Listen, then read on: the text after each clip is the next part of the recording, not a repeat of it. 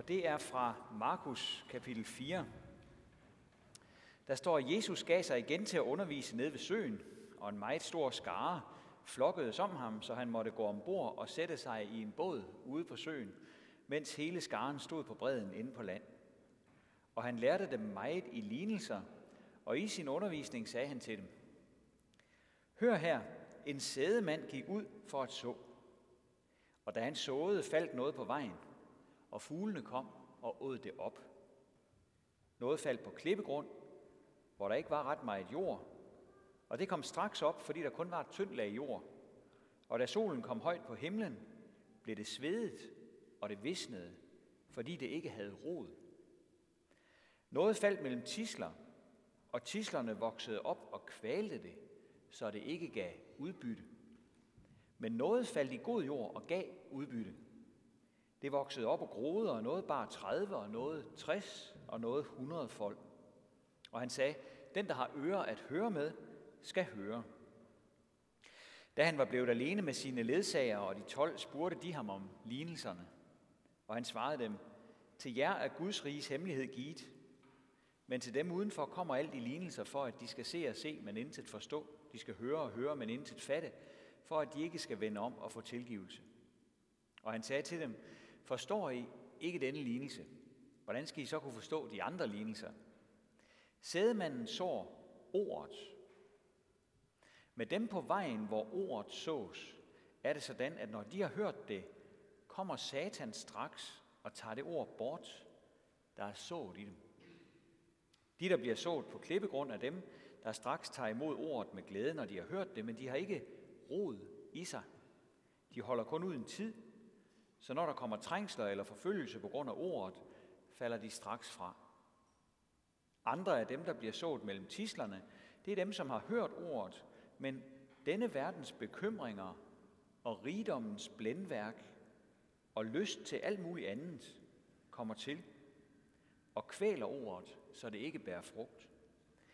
Men de, der bliver sået i den gode jord, det er dem, der hører ordet og tager imod det og bærer frugt 30 og 60 og 100 folk. Amen. Og lad os bekende vor kristne tro. Vi forsager djævlen og alle hans gerninger og alt hans væsen. Vi tror på Gud Fader, den almægtige, himlens og jordens skaber. Vi tror på Jesus Kristus, hans enborne søn, vor Herre, som er undfanget ved Helligånden, født af Jomfru Maria, pint under Pontius Pilatus, korsfæstet, død og begravet, nedfart til dødsriget. På tredje dag opstanden fra de døde, opfart til himmels, siddende ved Gud Faders, den almægtiges højre hånd, hvorfra han skal komme at dømme levende og døde. Vi tror på Helligånden, den hellige almindelige kirke, de hellige samfund, søndernes forladelse, kødets opstandelse og det evige liv. Amen.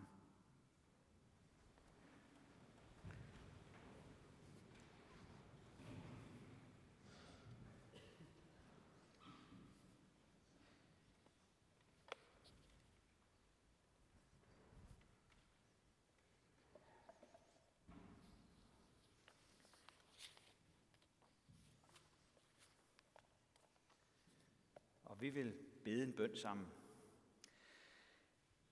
Herre, vi takker dig, fordi du har talt til os mennesker og stadig gør det.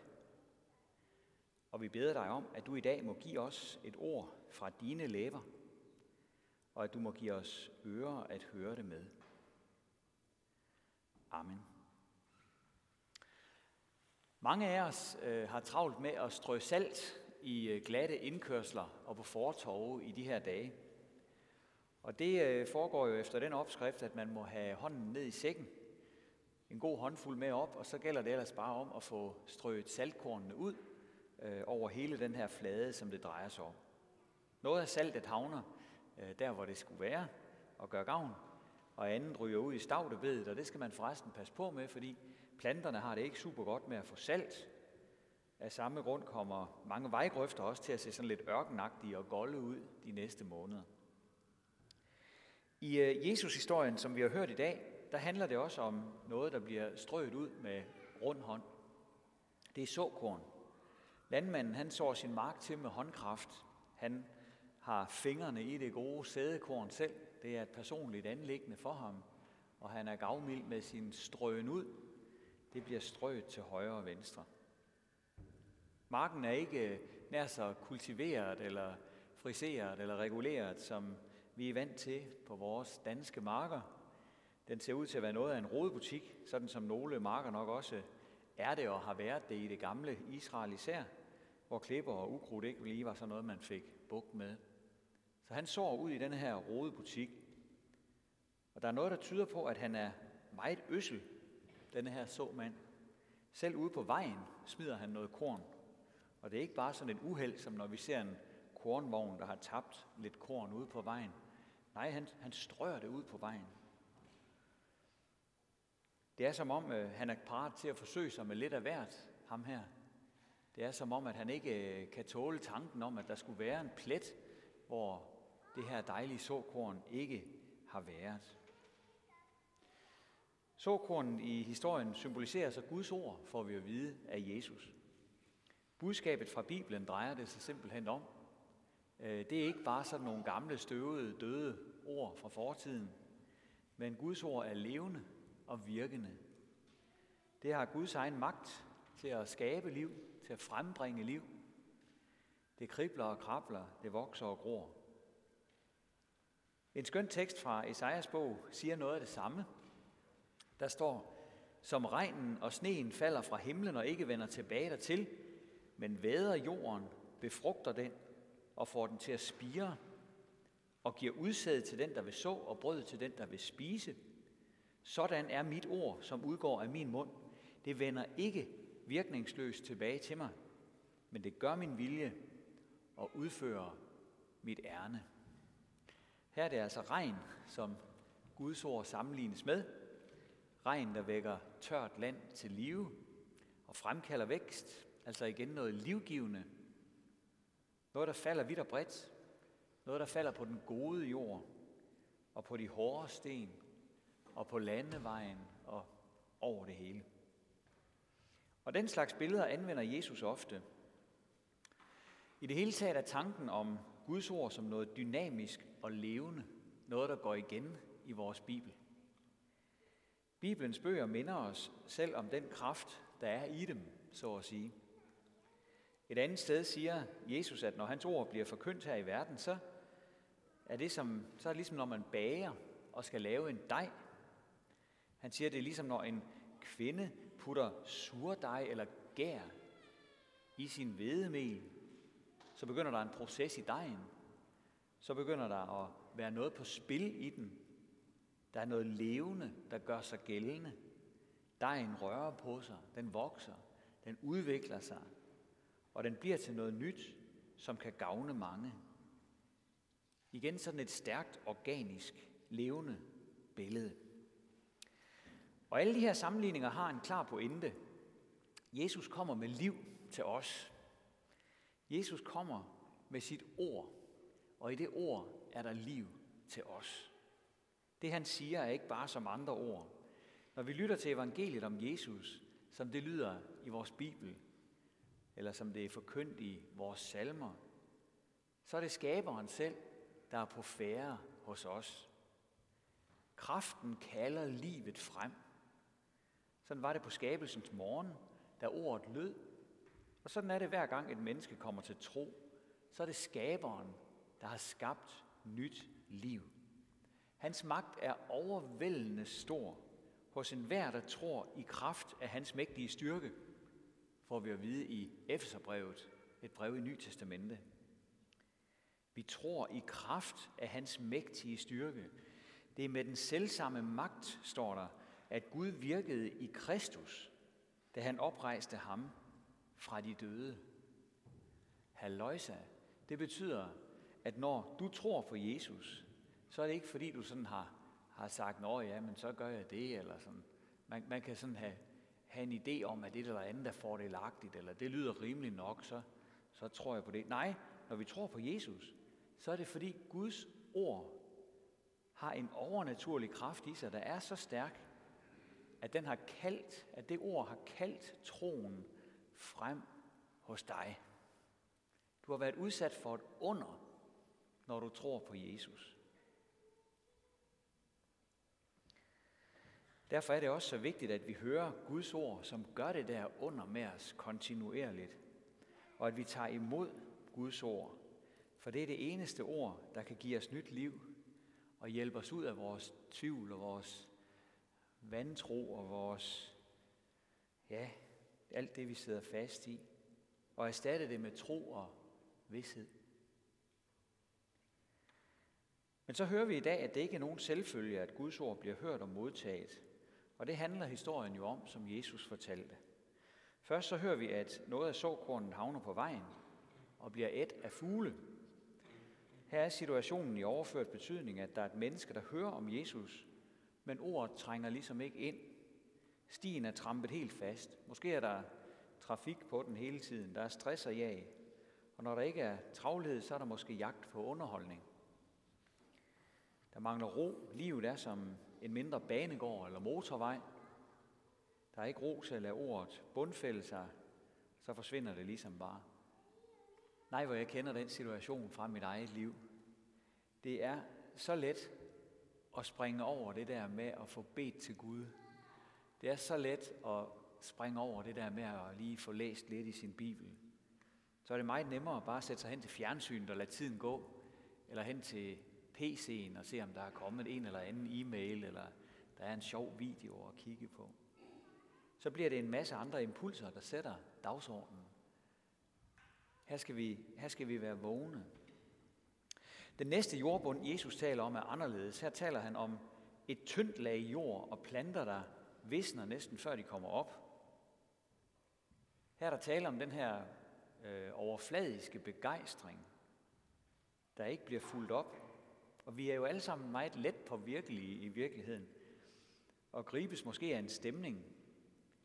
Men det er jo ikke sikkert, at vi lever det ud, som vi er blevet grebet af, og som øh, vi synes var så fantastisk lige i situationen. Vi kan godt ligesom, ja, bare glemme det, og så bliver det til ingenting. Og så er der også det korn, som bliver sået mellem tisler, når Guds ord bliver kvalt af noget andet. Og det hænger sammen med de foregående fristelser. Jesus han sætter nærmere navn på de her tisler. Han siger, verdens bekymringer, rigdommens blændværk, altså fata morgana, og lysten til alt muligt andet. Rigdommen, måske ambitionerne, pengesagerne, der bliver det eneste vigtige. Min egen materielle velstand og sikkerhed, der kommer til ligesom at fylde hele billedet.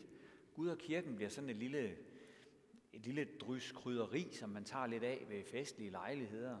Og ellers så handler alting om mig og mig og mig.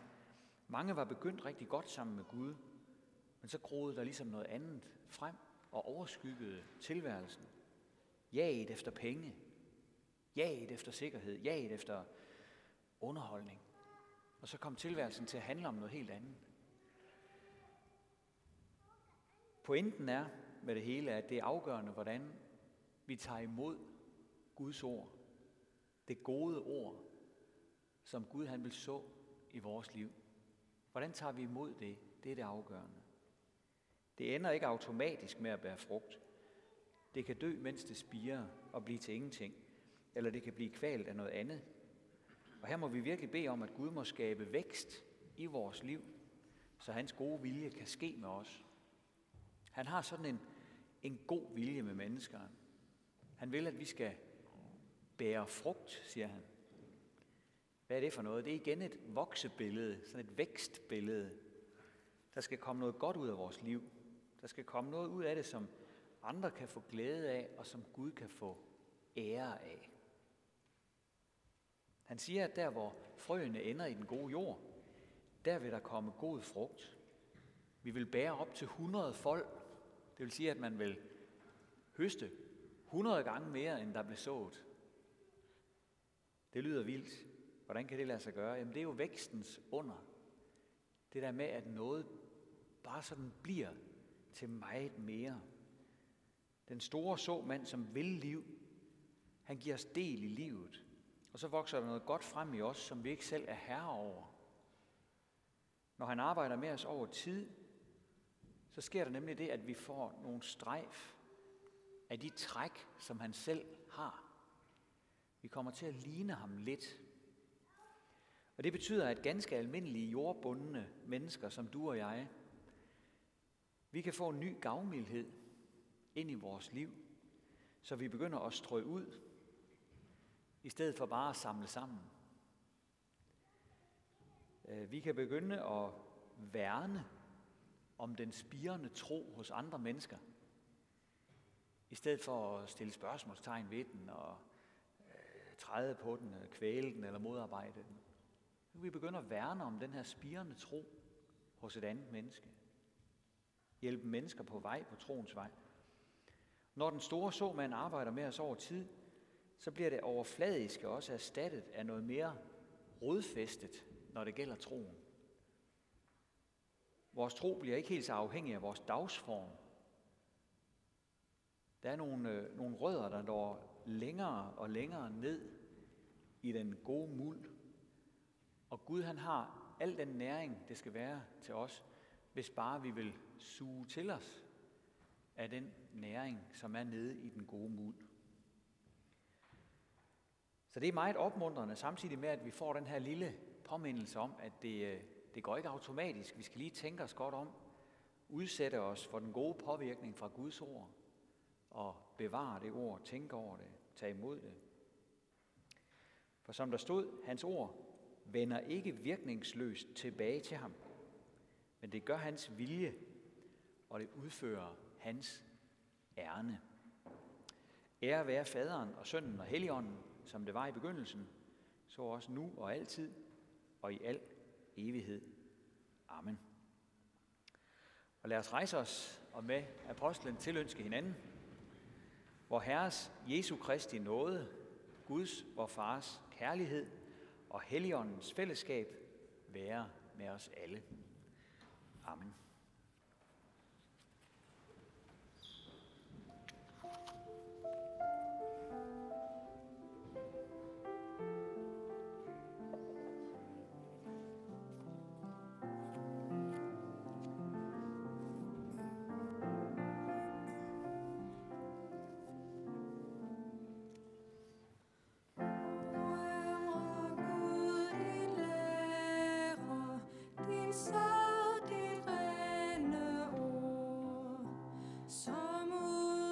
just as